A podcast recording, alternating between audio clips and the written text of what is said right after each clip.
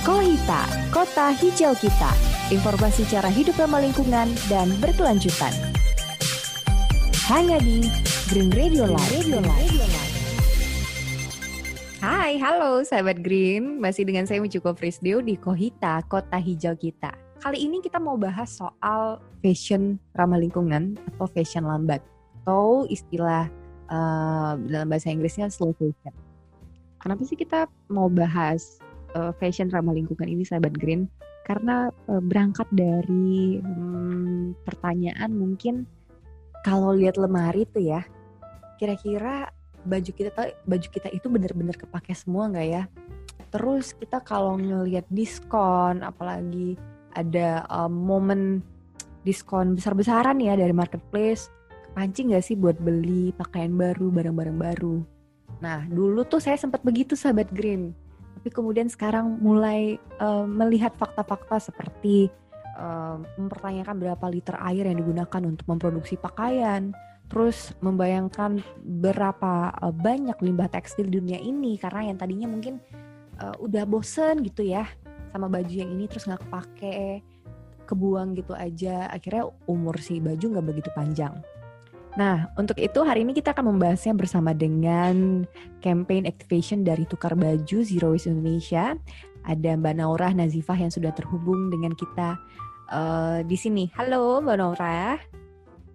Halo, selamat pagi Green Radio Line. Ya, selamat pagi, siang, sore, malam untuk kapan pun lah ya sahabat Green yang tengah mendengarkan yeah. Mbak Naura. Ya, Mbak Naura. Tadi aku uh, buka uh, Kohita kali ini dengan pernyataan sempat menjadi orang yang kayaknya impulsif banget sama pakaian gitu.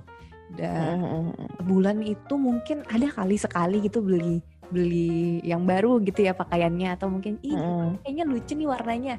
Kemudian ini jujur ya, waktu aku uh, follow Zero Waste uh, Indonesia, kemudian lihat ada kampanye tukar baju, aku ngeliat postingan-postingannya, aku mulai tersentil gitu. Wah, bener juga ya ini ya kayaknya aduh mesti di uh, perhatiin juga ini untuk memulai cara hidup yang ramah lingkungan. Eh, ternyata tidak hanya memperhatikan aspek soal sampah plastik tapi limbah tekstil ini juga berbahaya ya Mbak Nora ya. Jadi secara betul betul banget. secara personal itu jadi merasa berterima kasih dengan tukar baju yang sudah menyadarkan aku ini dan uh, meskipun mungkin belum sempurna tapi setidaknya udah banyak perubahan-perubahan minimal pandangan terhadap fashion itu sendiri.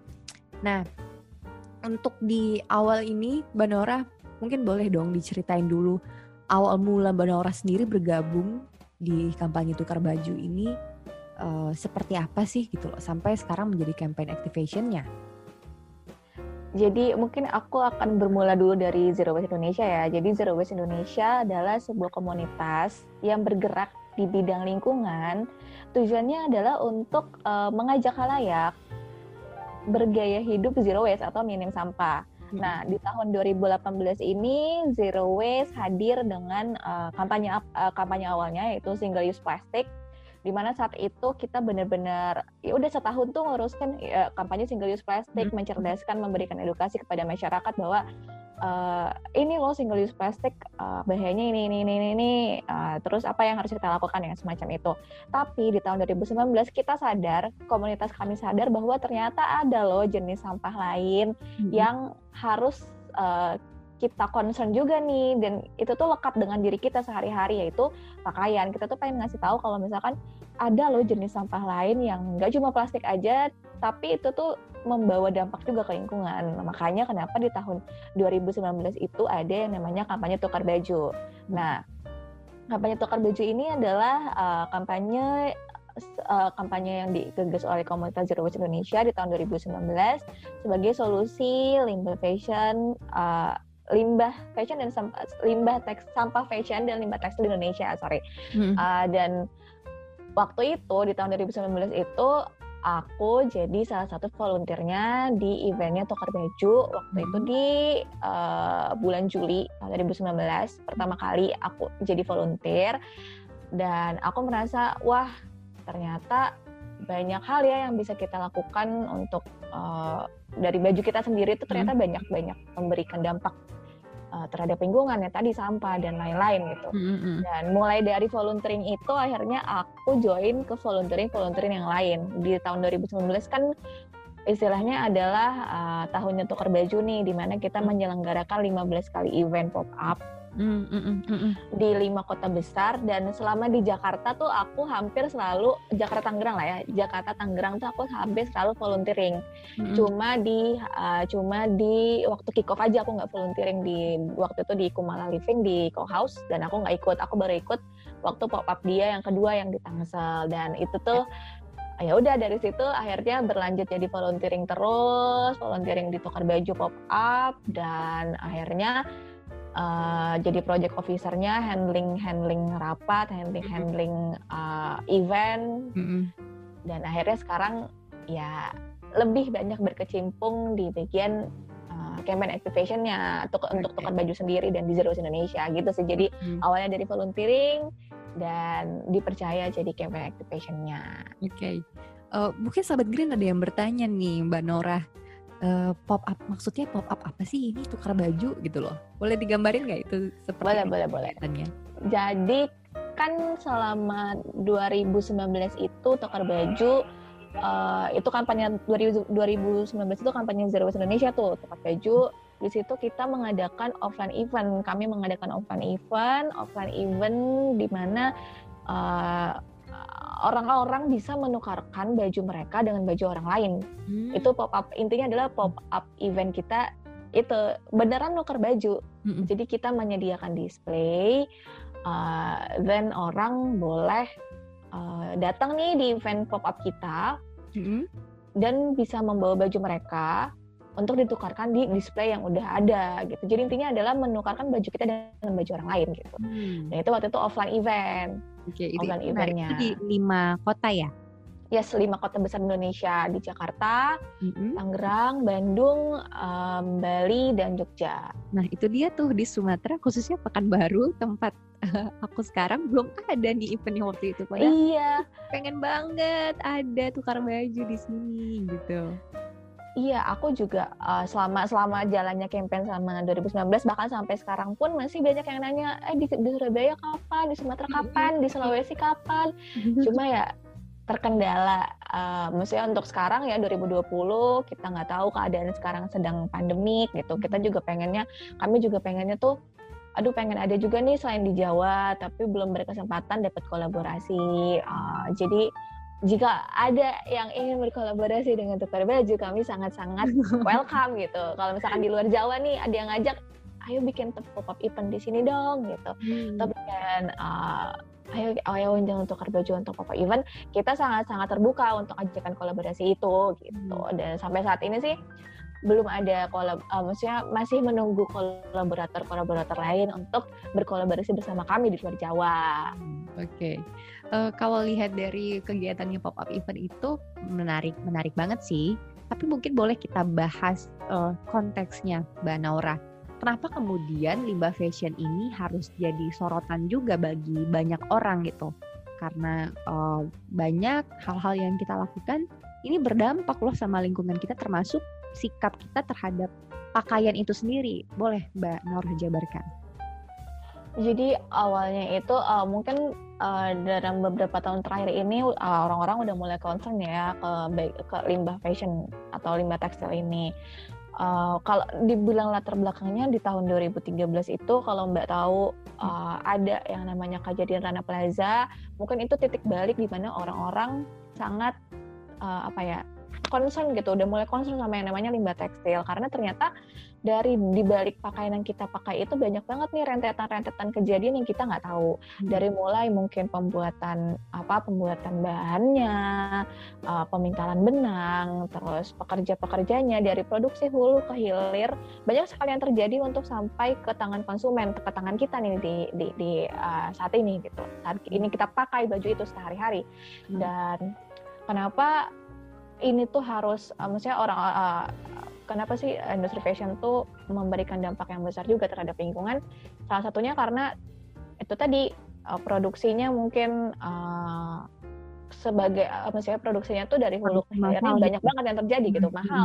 Yang dibayarkan tuh mahal gitu mulai dari ya efek lingkungan dan kemanusiaan gitu kan karena selama ini mungkin yang orang tahu oh ya udah beli baju murah beli baju ini ini ini tapi sebenarnya ada ada sesuatu yang dibayarkan yang kita tuh nggak tahu sebelum ada di tangan kita itu gimana proses produksi sebelumnya gitu. Dari tadi aku bilang isu lingkungan dan isu kemanusiaan juga termasuk di dalamnya. Dan kalau misalkan Mbak Michiko mungkin udah udah udah pernah baca kali ya hmm. satu kaos katun itu membutuhkan sekian liter air untuk uh, maksudnya butuh sekian liter air untuk membuat satu kaos katun hmm. begitupun juga dengan jeans gitu butuh berapa liter air gitu kan hmm. dan kenapa uh, makanya di uh, di kampanye ini kita ingin menyadarkan bahwa masyarakat tuh sudah seharusnya aware terhadap limbah fashion dan limbah tekstil karena kan selama ini yang kita tahu ya kalau misalkan dia pakaian ya pakaian itu hmm. dibuang kalau nggak ke TPA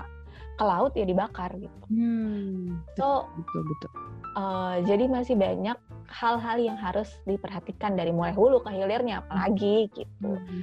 Karena itu tadi masih banyak hal yang harus diperbaiki, masih banyak hal yang harus diimplementasikan terhadap ya gimana caranya kita meminimalisir limbah ini gitu. gitu. Gimana caranya kita meminimalkan uh, dampak terhadap dari uh, si industri fashion ini ya caranya ya dengan menjalankan fashion berkelanjutan dengan mulai dari memakai dulu apa yang dipunya sebenarnya kan hmm. sebenarnya itu gitu. Hmm, Oke, okay. ini tuh jadi uh, menarik. Kalau biasanya kan setiap uh, musim, uh, kalau kita bicara soal musim pada umumnya misalnya musim yes, yes. panas ya, musim kemarau, musim hujan. Nah ini musim pakaian itu banyak banget di tahun ini modelnya begini bahkan di tiap uh, bulan kayaknya tuh beda-beda gitu ya. Dari pilihan warna model yang membuat uh, banyak orang yang kayaknya impulsif untuk mengikuti tren tersebut. Istilah ini mungkin sering kita kaitkan dengan uh, fast fashion ya mbak mbak Naura. Itu um, kenapa sih ap, apa pandangan mbak Naura melihat fast fashion itu kenapa bisa cepet banget beralihnya dari musim pakaian yang ini terus yang ini ini ini ada aja gitu yang baru. Yep, uh, jadi kalau misalkan kita kembali sebagai konsumen ya, kita kembali sebagai konsumen, di mana kan uh, semua itu, maksudnya uh, uh, owner atau perusahaan itu atau industri itu kan memproduksi sesuai demand ya. Mm-hmm. Gimana dari demand itu mempengaruhi supply, udah pasti kan, udah pasti nih. Karena banyaknya permintaan dari konsumen, ya supply-nya berarti juga harus memenuhi kebutuhan konsumen kan. Mm-hmm. Dan kenapa bisa banyak uh, season-season ya pakaian itu tuh ikutin tren dan sejauh ini sih 52 micro season tuh banyak banget. Mm-hmm. 52 micro season berarti kan tiap minggu tuh ganti ya. Mm-hmm. Tiap minggu tuh ganti, ganti ini diganti display nih misalkan kayak ke retail-retail gitu mm-hmm. yang ada di mall tiap tiap minggu ganti display dan itu kan kembali lagi demand kita demand kita sebagai konsumen yang mempengaruhi itu, mempengaruhi supply si produsen terhadap keinginan kita sendiri. Dan kenapa bisa bergulir begitu cepat ya itu tadi demand kita terhadap pakaian itu dan uh, walaupun fashion walaupun gaya fashion itu berputar ya gaya fashion itu berputar tapi tetap aja uh, karena demand kita yang banyak mempengaruhi si fashion cepat ini supaya mereka memproduksi secara cepat massal masif dan uh, supaya bisa memenuhi kebutuhan kita sendiri gitu sih. Kalau kalau dari aku ya dari dari latar belakang dari latar belakang. Kenapa fast fashion tuh punya banyak micro season hmm. demand demand konsumen. Nah, jadi um, untuk menjawab hal tersebut dan kita sudah menyadari ada permasalahan lingkungan sebenarnya dari fashion uh, cepat ini muncullah konsep uh, fashion lambat. Tapi kemudian yes. apa sih yang bisa kita lakukan langkah per langkah step by stepnya uh, untuk memulai uh, fashion lambat ini Mbak Nora? Jadi uh, ini kita kembali ke konsep fashion cepat dulu ya, fashion cepat dan fashion lambat. Fashion cepat itu bagaimana sebuah praktik dalam dalam fashion yang di mana dia itu produksinya secara massal, cepat, masif, uh, jam kerja jam kerja uh, apa jam kerja pekerja yang panjang karena itu tadi uh, production atau quantity over quality di mana fashion lambat fashion lambat adalah kebalikan dari fashion cepat okay. mementingkan kualitas daripada kuantitas mm-hmm. uh, memperhatikan kesejahteraan pekerja Mm-mm. produksinya juga kadang banyaknya ya seringnya tergantung dengan tergantung dengan um, se apa ya sebutuhnya sebutuhnya dan sesuai dengan kebutuhan-kebutuhan yang ada sekarang gitu. Dan mereka cenderung lebih mementingkan kualitas itu tadi supaya tahan lama, supaya bahan-bahannya uh, atau su- supaya modelnya bisa dipakai nanti lima tahun, 10 tahun ke depan gitu. Dan itu um, itu kembali dulu ke fashion cepat dan fashion lambat. Intinya adalah fashion fashion cepat itu tadi um, mementingkan keuntungan dan fashion lambat justru kebalikannya gitu.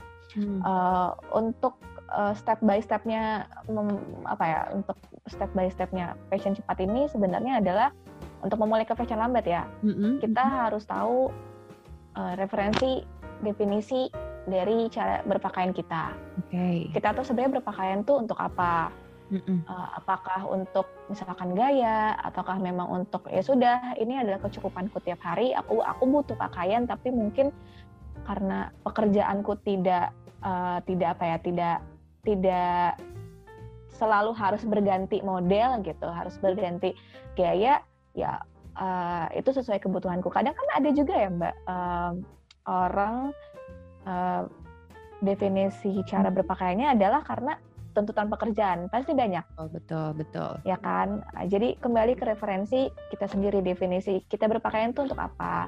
Referensi baju kita seperti apa? Itu itu refleksi dulu terhadap diri kita sendiri. Kalau sudah tahu hmm, cara yang paling mudah untuk memulai adalah memakai apa yang ada di lemari kita terlebih dahulu. Itu cara yang paling berkelanjutan Cara. itu cara cara cara alternatif dan cara paling efektif untuk itu tadi mengurangi fashion cepat dan memulai untuk fashion lambat atau fashion berkelanjutan Mm, mm-mm. cari tahu referensi dan mulai memakai apa yang ada dulu kalau misalkan memang eh, ternyata butuh banget nih untuk beli atau butuh banget nih untuk em, apa udah butuh banget gitu nggak nggak bisa di nggak bisa dipenuhi dengan dengan yang lain belilah sesuai kebutuhan Mm. belilah buy what you need buy what you need adalah ya sesuai cukupnya kita sesuai sadarnya kita dan sesuai uh, sesuai dengan apa yang kita uh, ya tadi referensi dan definisi kita berpakaian itu untuk apa Mm-mm. Kalau dilihat dari postingan di Instagram tukar baju, eh, ada postingan-postingan awal yang menarik soal hierarki dalam membeli pakaian ya. Yang pertama seperti yang Mbak Nora sudah sampaikan, itu memakai pakaian yang sudah ada. Lalu ada pinjam, terus ada tukar baju, buat atau bikin sendiri, sama yang terakhir beli ini jadi opsi eh, terakhir ya. Mbak Nora boleh eh, bantu dijabarkan nggak? Ini seperti apa sih hierarki dalam membeli pakaian ini biar biar eh, nggak selalu kan kalau butuh beli butuh beli Hmm, Jadi sebenarnya hierarchy of need ini atau hierarki pemenuhan kebutuhan ini awalnya digagas oleh Sarah Lazarovic. Mm-mm. Sarah Laz- Lazarovic ini uh, bagaimana ya caranya kita untuk uh, ini tuh diagram cara agar kita meminimalkan konsumerisme sebenarnya Mm. dengan memikirkan kembali Oke. si segitiga itu tuh. Mm, mm, mm.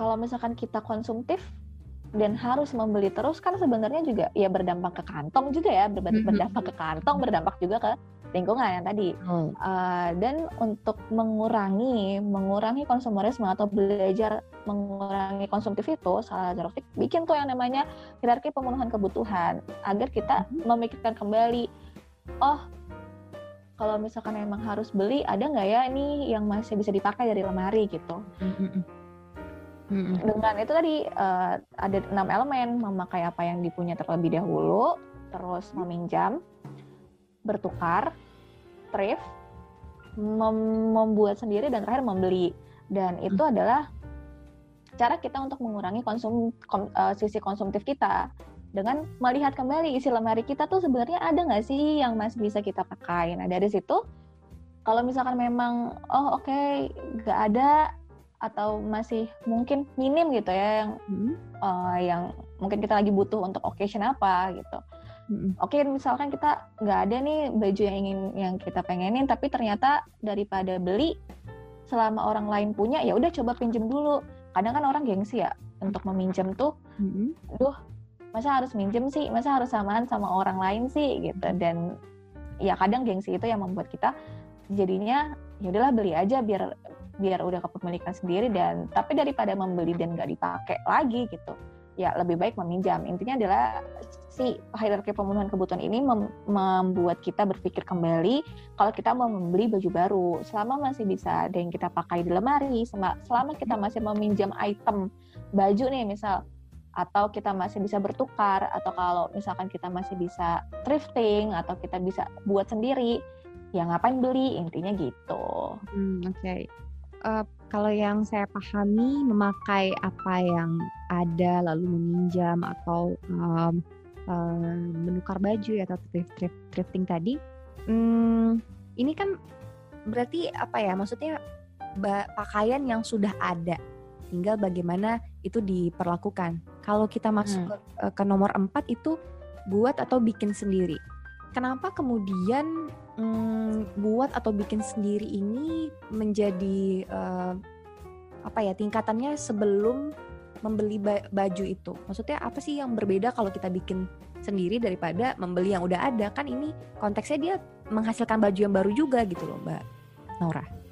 Oke, okay, uh, eh, ini pernah ada juga yang nanya ini uh, ya di Tokar Baju. Kadang kalau misalkan ada akun di ada ada beberapa yang menanyakan di DM, kadang di hmm. uh, komentar juga kenapa sih uh, membeli baju itu um, jadi apa ya? Walaupun dia bikin kan dia sebenarnya juga konteksnya bikin baru ya, tapi hmm. kenapa dia di bawah? Maksudnya dari segitiga itu dia ada di bawah beli gitu. Hmm karena sebenarnya dengan membuat atau menjahit sendiri baju kita kan sebenarnya kita mengetahui kebutuhan kita. Okay. Kita mengetahui referensi tadi referensi oh, kita kita kita sukanya modelnya kayak gimana mm-hmm. dan orang juga kalau misalkan menjahit kan sebenarnya adalah sesuai kebutuhan dan dengan menjahit itu sendiri kita tahu oh kalau menjahit itu ternyata nggak mudah. Jadi kita bisa lebih menghargai, lebih menghargai si baju kita gitu. Hmm. Dengan menjahit juga kita bisa memilih, kita punya pilihan untuk ingin diapakan nih bajunya. Hmm. Sebisa mungkin kalau misalkan memang kita ingin menjahit baju atau membuat baju sendiri, ya modelnya sebisa mungkin ya, sebisa mungkin dipakai untuk tahun atau 10 tahun ke depan dan itu ya sesuai dengan kebutuhan kita masing-masing jangan sampai setelah kita menjahit juga akhirnya cuma dipakai sekali dua kali gitu. Oke. Okay. Pikirin modelnya mungkin bisa dipakai untuk ya kondangan, ya untuk hari-hari biasa, untuk um, occasion-occasion yang sebenarnya bisa dengan baju itu aja gitu. Jadi kita punya pilihan kalau misalkan menjahit itu kita punya pilihan kita ingin mengapakan baju kita, kita ingin membuat seperti apa baju kita dan hmm. kalau misalkan kita mindful, kita akan memilih untuk oh aku ingin pakai baju ini lima tahun lagi, 10 tahun lagi, hmm. ada adjustment di sana, ada ada request sendiri yang kita tahu oh aku akan pakai ini baju tuh akan lama gitu dan modelnya juga uh, bisa bermacam-macam kan sesuai dengan itu tadi supaya long lasting intinya gitu hmm. sesuai dengan kebutuhan kita sendiri. Betul. Bahkan mungkin bisa jadi memorable ya ketika yes. dijahitin sama orang tua. Saya tuh jadi ingat yes. zaman-zaman dulu tuh Betul. tiap lebaran ya kompakan gitu satu keluarga dijahitin sama ibu atau mama. Ntar bakal diingat oh ini dulu lebaran tahun ini, tahun segini gitu loh. Hmm, oke, okay, baik baik baik. Nah, Mbak Nora, sekarang kalau kita lihat kan banyak juga ya berita-berita yang muncul um, brand atau merek-merek tertentu yang mengklaim membuat produk um, fashion yang ramah lingkungan gitu loh. Mm. Katanya diolah dari uh, katanya dari sampah plastik atau kemudian um, cuttingnya itu uh, dibuat uh, seminimal mungkin yes. menghasilkan sampah. Itu, itu pandangan Mbak Laura seperti apa? Upaya yang baik atau bagaimana? tentu kan itu adalah upaya yang baik ya apalagi eh, itu tadi mulai dari uh, si cutting itu mulai dari bahan-bahan yang dipakai karena kan untuk memulai fashion berkelanjutan itu fashion berkelanjutan kan adalah transparansi ya di mana uh, segala dari produksi hulu ke hilir tuh sebisa mungkin konsumen tahu hmm. mereka membelanjakan dia belanja mereka konsumen belanja pakaian di suatu brand hmm. sebisa mungkin konsumen tahu alokasinya akan dikemanakan jangan sampai si uang yang udah dibayarkan oleh konsumen ini nih hmm. tidak mensejahterakan sesama, tidak mensejahterakan lingkungan juga gitu. Hmm. Dan makanya aku sangat-sangat uh, appreciate banget untuk brand-brand yang udah mulai zero waste cutting, sudah mulai produksi-produksi bahan-bahan uh, bahan-bahan pakaiannya dari serat-serat alami gitu. Hmm. Terus dari mulai pewarnaannya juga dari tanaman-tanaman atau meng, apa ya me, memberdayakan alam gitu, memberdayakan yang sudah ada di alam dan diimplementasikan dalam uh, brand fashion berkelanjutan gitu. Tapi hati-hati gitu. uh, kalau hati-hatinya adalah uh, kita juga sebagai konsumen harus tetap mindful Hmm. Jangan sampai karena itu fashion brand fashion berkelanjutan nih, ya akhirnya kita beli banyak juga. Iya iya iya. Jangan sampai kayak gitu gitu. Jangan sampai kita membeli karena keimpulsifan kita juga kembali lagi ke kita. Walaupun mereka sudah menyediakan uh, meng, me, apa ya merepresentasikan brand fashion berkelanjutan, hmm. tapi tetap saja sebagai konsumen kita harus tetap mindful dalam membeli gitu. Hmm sempat ngobrol sama salah satu pemilik uh, brand uh, brand lokal yang mencoba menerapkan uh, zero waste cutting di pakaiannya khususnya soal batik Riau. Uh, tapi yang jadi masalah nih Mbak Nora menarik minat konsumennya uh, cukup sulit karena biaya uh, sorry pak apa harga pakaiannya jadi lebih mahal gitu loh. Yes, itu betul sekali. Uh, uh, uh, uh apa ya uh, brand-brand fashion berkelanjutan yang udah mulai menerapkan brand fashion uh, fashion berkelanjutan sudah pasti harganya juga uh, apa ya kalau misalkan dibilang dengan harga-harga pasaran sudah pasti di atas di atas pasaran gitu karena mm-hmm. kan biasanya kalau misalkan kita beli ya paling cuma berapa ratus ribu gitu kan atau mungkin masih ada yang harganya puluhan ribu mm-hmm. puluhan ribu ratusan ribu dan mulai uh, si fashion brand fashion berkelanjutan ini kan rata-rata ya ya Mbak Michiko tau lah kayak gitu. Hmm. Kalau misalkan suka survei-survei harga brand fashion berkelanjutan, ya ada yang sampai satu juta ya mungkin dua hmm. juta pun ada gitu tergantung dari value-nya mereka. Yang akhirnya yang bisa uh, mengonsumsi afford gitu ya. Yang, yang mampu gitu loh. Yes. Ya, tidak semuanya tidak menjadi masif itu menjadi tantangan kalau ingin mengampanyekan uh, fashion yang ramah lingkungan. Ya nggak sih? Hmm.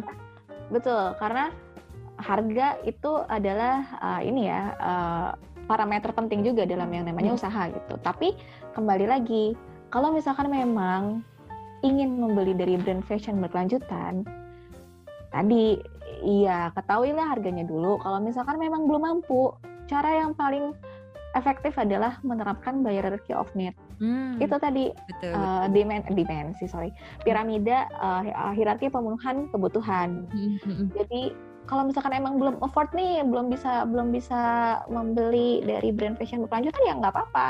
Mm-hmm. Kan yang namanya memulai uh, fashion lambat atau fashion berkelanjutan itu kan nggak mesti langsung beli dari brand fashion yang mulai menerapkan itu gitu. Mm-hmm. Tapi kita bisa mulai dari diri kita sendiri, mulai dari menanyakan refleks, refleksi terhadap diri kita sendiri. Kita butuhnya apa? Definisi cara berpakaian kita apa? Mm-hmm. Dan mulai dari memakai dulu apa yang kita punya yang ada di lemari dulu. Kalau misalkan memang udah tahu nih, oh yang ada di lemari sudah cukup, mm-hmm. ya sudah kita sudah memulai untuk fashion berkelanjutan karena the most sustainable garment itu adalah the one you all already have in your wardrobe gitu. Mm-hmm. Dan makanya kalau misalkan ada yang bilang ya memang agak susah karena tadi pricey pasti kan. Mm-hmm. Itu tadi eh, si brand itu benar-benar uh, menjamin atau seenggaknya mereka uh, concern gitu terhadap pekerjanya, terhadap lingkungan, terhadap bahan-bahan yang mereka pakai supaya seminimal mungkin mencemari lingkungan dan membawa kerugian sedikit mungkin. Gitu. Hmm. Itu makanya kenapa uh, brand fashion berkelanjutan ya harganya ya Mbak Michiko tahu sendiri lah ya. Kalau iya. teman-teman tahu sendiri juga ya ya pricey lah.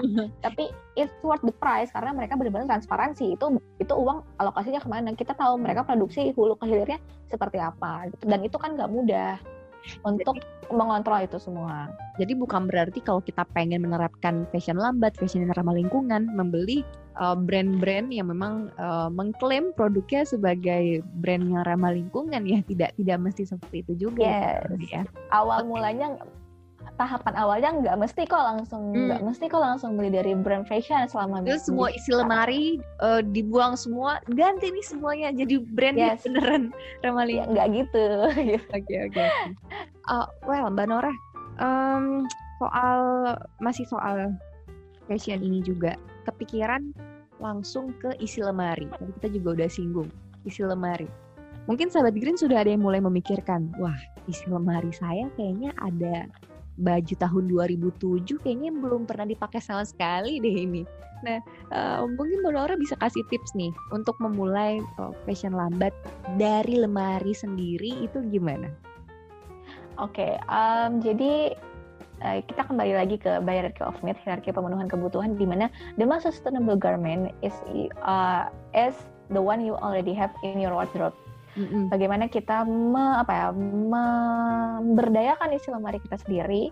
Kita mulai dari sana, mulai dari lemari. Berhubung berhubung uh, kita juga lagi ada sub kampanye mulai dari lemari, so bisa dicek teman-teman bisa ngecek juga di uh, linknya coklat baju, di link bio coklat baju apa itu mulai dari lemari. Jadi uh, bagaimana proses kita memulai dari lemari itu kita bisa lebih sadar, kita bisa lebih cukup, kita bisa lebih bijak dalam berpakaian. Hmm. Itu uh, pertama, pertama banget hmm. kita refleksi. Balik lagi ke refleksi, definisi kita apa, referensi baju kita apa, then kita lihat lemari kita. Lemari kita, oh udah sesuai referensi atau belum, udah sesuai definisi kita berpakaian atau belum. Hmm. Mulai dari lemari, mulai dari apa yang kita punya kembali lagi memberdayakan isi lemari kita gimana sih uh, dengan kita tahu referensi kita dengan kita tahu definisi kita semua yang ada di lemari itu sebenarnya cukup. Mm, mm, mm, semuanya itu cukup.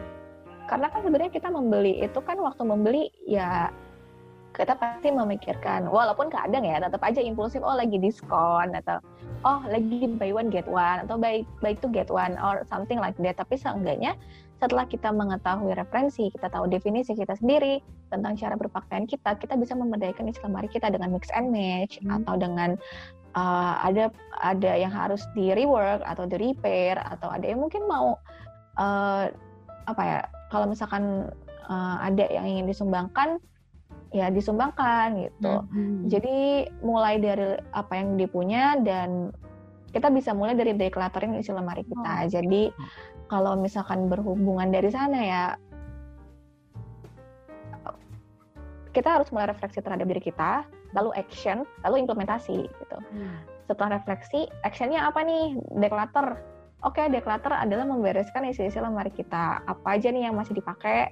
seberapa banyak kita punya baju kita, uh, seberapa banyak kita punya baju di lemari, terus hmm. apa aja yang mau disumbangin, apa aja yang mau didonasiin, atau mungkin ada yang mau dibereskan atau ada yang mau di apa ya mau mau mau diperbaiki gitu. Dan dari decluttering itu kita tahu oh ternyata baju setelah kita catat nih uh, ternyata baju yang kita pakai tuh cuma sekian loh dari sekian banyak baju yang kita punya. Hmm. Oh ternyata aku punya baju yang nggak kepake sekian banyak gitu. Terus aku punya hmm, item-item kayak celana atau uh, atasan atau um, yang apa ya item-item itu tuh ternyata pas di, di Jabaran tuh banyak banget tapi ternyata yang dipakai cuma beberapa atau mungkin banyak juga hasil-hasil hasil uh, dari orang lain gitu pemberian orang lain yang mm-hmm.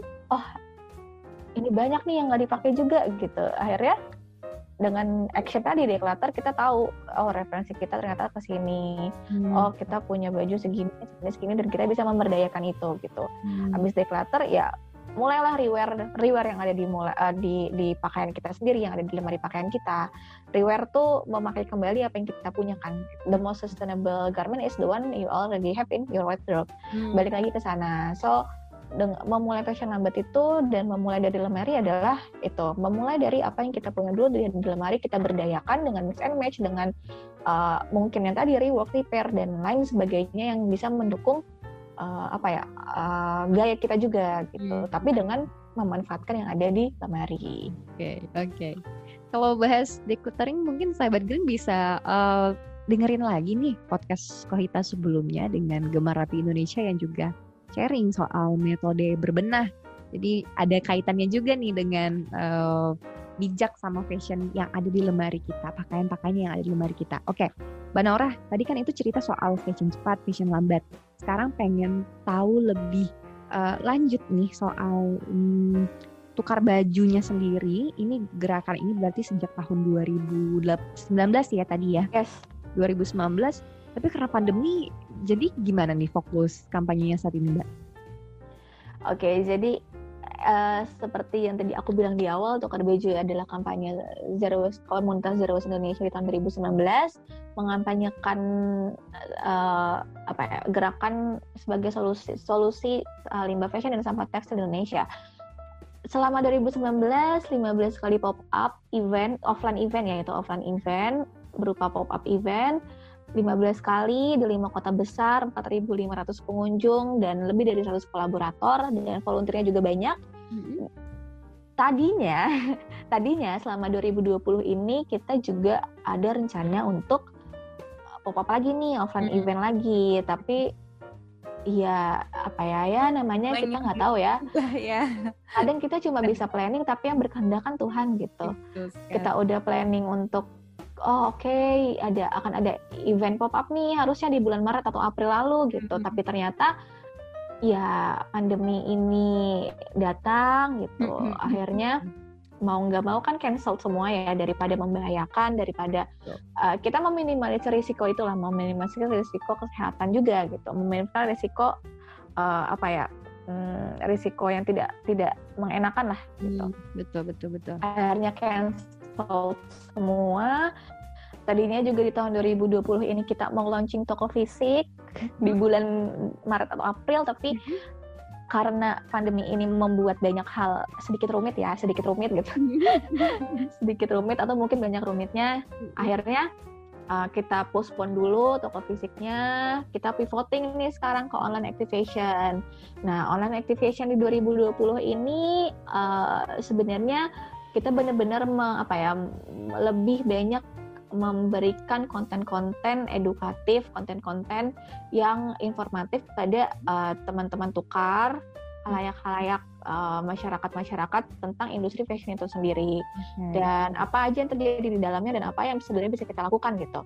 Uh, dan selama tiga bulan ini nih tiga bulan ini kita lagi ada yang namanya kampanye mulai dari lemari. Nah, mm-hmm. mulai dari lemari ini seperti di udah aku singgung dikit gitu, mm-hmm. adalah kampanye tukar baju di tahun 2020 uh, sebagai uh, tiga bulan tanpa baju baru, di mana okay. teman-teman uh, oke okay, dengan mendapatkan baju baru itu dengan alternatif yang lain. Hmm. Caranya uh, meminjam, menukar baju, menyewa, um, memberi dari brand lokal kecil yang terdampak COVID, terus uh, rework atau repair atau upcycling something like that yang benar-benar itu alternatif untuk kita men, uh, mempunyai baju baru. Dan itu udah berjalan dari bulan Juli kemarin sampai uh, doakan sampai Oktober ini dan hmm. sekarang sudah ada 3000 lebih orang yang berkomitmen hmm. dari 5000 targetnya nih jadi teman-teman kalau misalkan ada yang belum daftar hmm. ada yang belum daftar komitmennya mulai dari lemari silahkan daftar ada di link bio nya Tukar Baju atau Zero Waste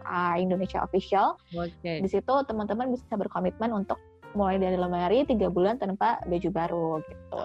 Okay. Tiga bulan bukan berarti nggak benar-benar beli baju ya, masih hmm. ada alternatif-alternatif lain untuk mendapatkan baju baru. Hmm. Itu sih jadi ya. 2019 offline activation, 2020 online activation. Uh, aku kalau tadi katanya 3000 tambah satu berarti 3001 aku belum ikutan tanda tangan tapi aku sudah berkomitmen. Tidak boleh boleh. baju baru sign komitmen sign komitmennya mbak. Sign komitmennya okay. ada tiga ratus seratus sih tapi ya mestinya dari lima ribu. Aku tunggu komitmenmu mbak.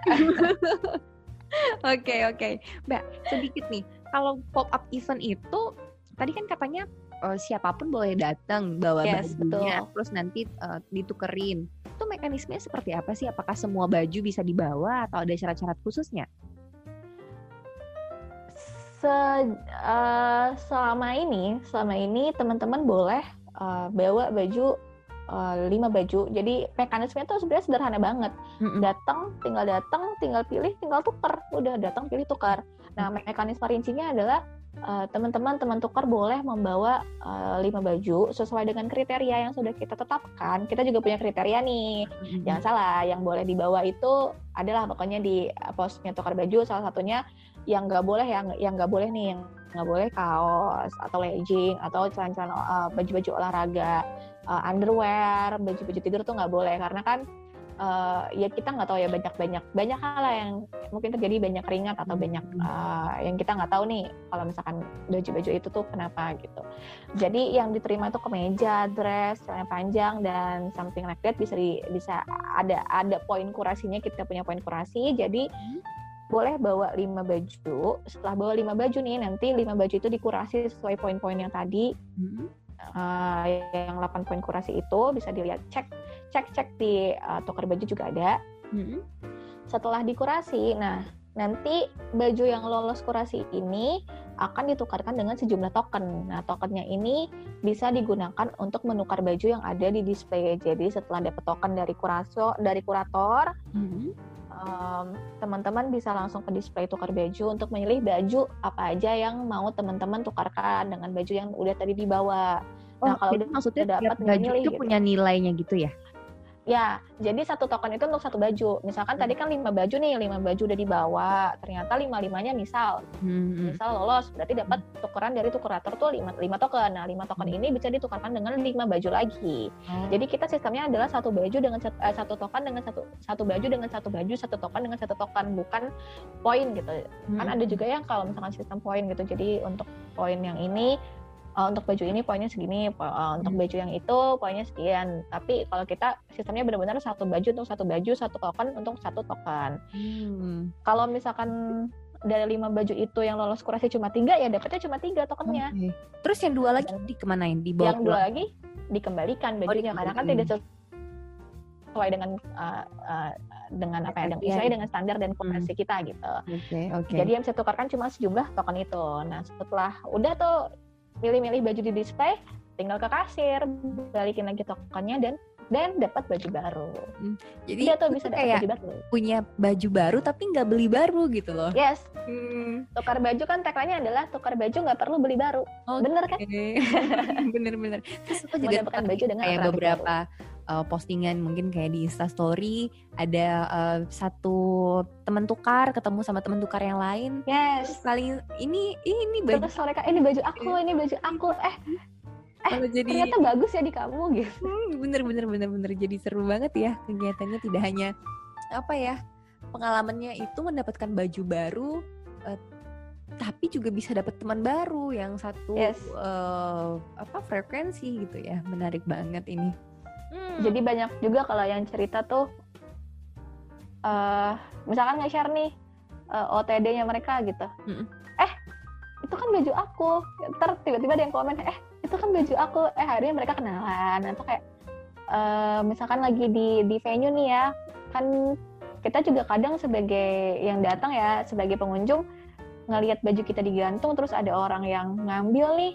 Mm -hmm sebagai pilihan ada apa ya aku merasakan sebuah kesenangan tersendiri di mana hmm. oh ternyata baju yang nggak udah yang udah nggak aku pakai bisa di love lagi sama orang lain hmm. bisa disukai lagi sama orang lain dan mungkin bisa jadi pakaian favoritnya gitu hmm, betul. itu tuh ada ada ada perasaan senang tersendiri ada perasaan bangga dan ada perasaan bahagia kalau misalkan ternyata yang tidak terpakai oleh kita bisa dipakai lagi sama orang lain itu sih uh, buat aku itu yang precious banget hmm. dari teman-teman cerita-cerita teman tekar dari cerita aku sendiri dan apa ya rasanya tuh ada uh, ada sebuah gratitude yang bersyukur gitu. gitu ya, jadi iya iya bersyukur ya ampun ternyata masih bisa digunakan dan masih bisa bermanfaat untuk orang lain oke okay.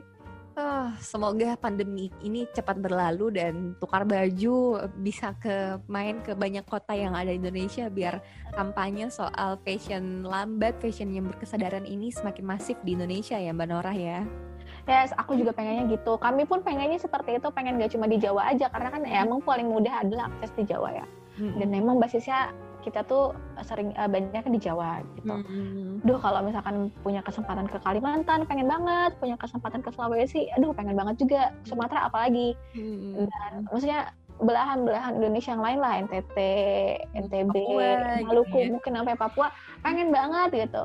Tapi ya pandemi ini ada ya kadang planning ya rencana rencana manusia boleh merencanakan tapi tetap Tuhan yang berkehendak jadi banyak-banyak doa sekarang banyak-banyak oh ya Allah semoga ada semoga ada kolaborasi lagi gitu oh. sama teman-teman yang lain karena sejauh ini kan semua offline event apa pun itu ya mau seminar atau apa kan semuanya istilahnya adalah dibatasi hmm. uh, dan nggak bisa seluasa dulu lagi gitu karena hmm. harus mengikuti protokol kesehatan harus ya mungkin uh, tidak banyak apa ya nggak boleh berkerumun yang seperti itu adalah hal-hal yang harus dihindari dari offline event gitu padahal sebenarnya offline event kan memancing kerumunan kan sebenarnya gitu. Hmm. Ya, semoga saja pandemi COVID-19 ini cepat berlalu dan kita benar-benar kembali ke normal, bukan new normal tapi benar-benar normal yang sebenarnya yes. normal sebelumnya. Benar, benar. Okay. Mbak Nora, terima kasih banyak hari ini sudah sharing ke kita. Uh, semoga sukses terus dan semoga apa yang dilakukan hmm, bisa jadi inspirasi dan amal ibadah untuk kita semua. Amin. Amin. Dan sahabat Green, terima kasih untuk kalian yang sudah mendengarkan Kohita, Kota Hijau kita edisi hari ini. Nanti kami akan hmm, hadirkan tema-tema menarik lainnya agar kita bisa hidup dengan cara yang lebih ramah lingkungan menuju Kota Hijau kita. Saya Michiko Frisdeo pamit, sampai jumpa. Green Radio Line, Beyond the Limits. Terima kasih sudah mendengarkan Kohita, Kota Hijau Kita.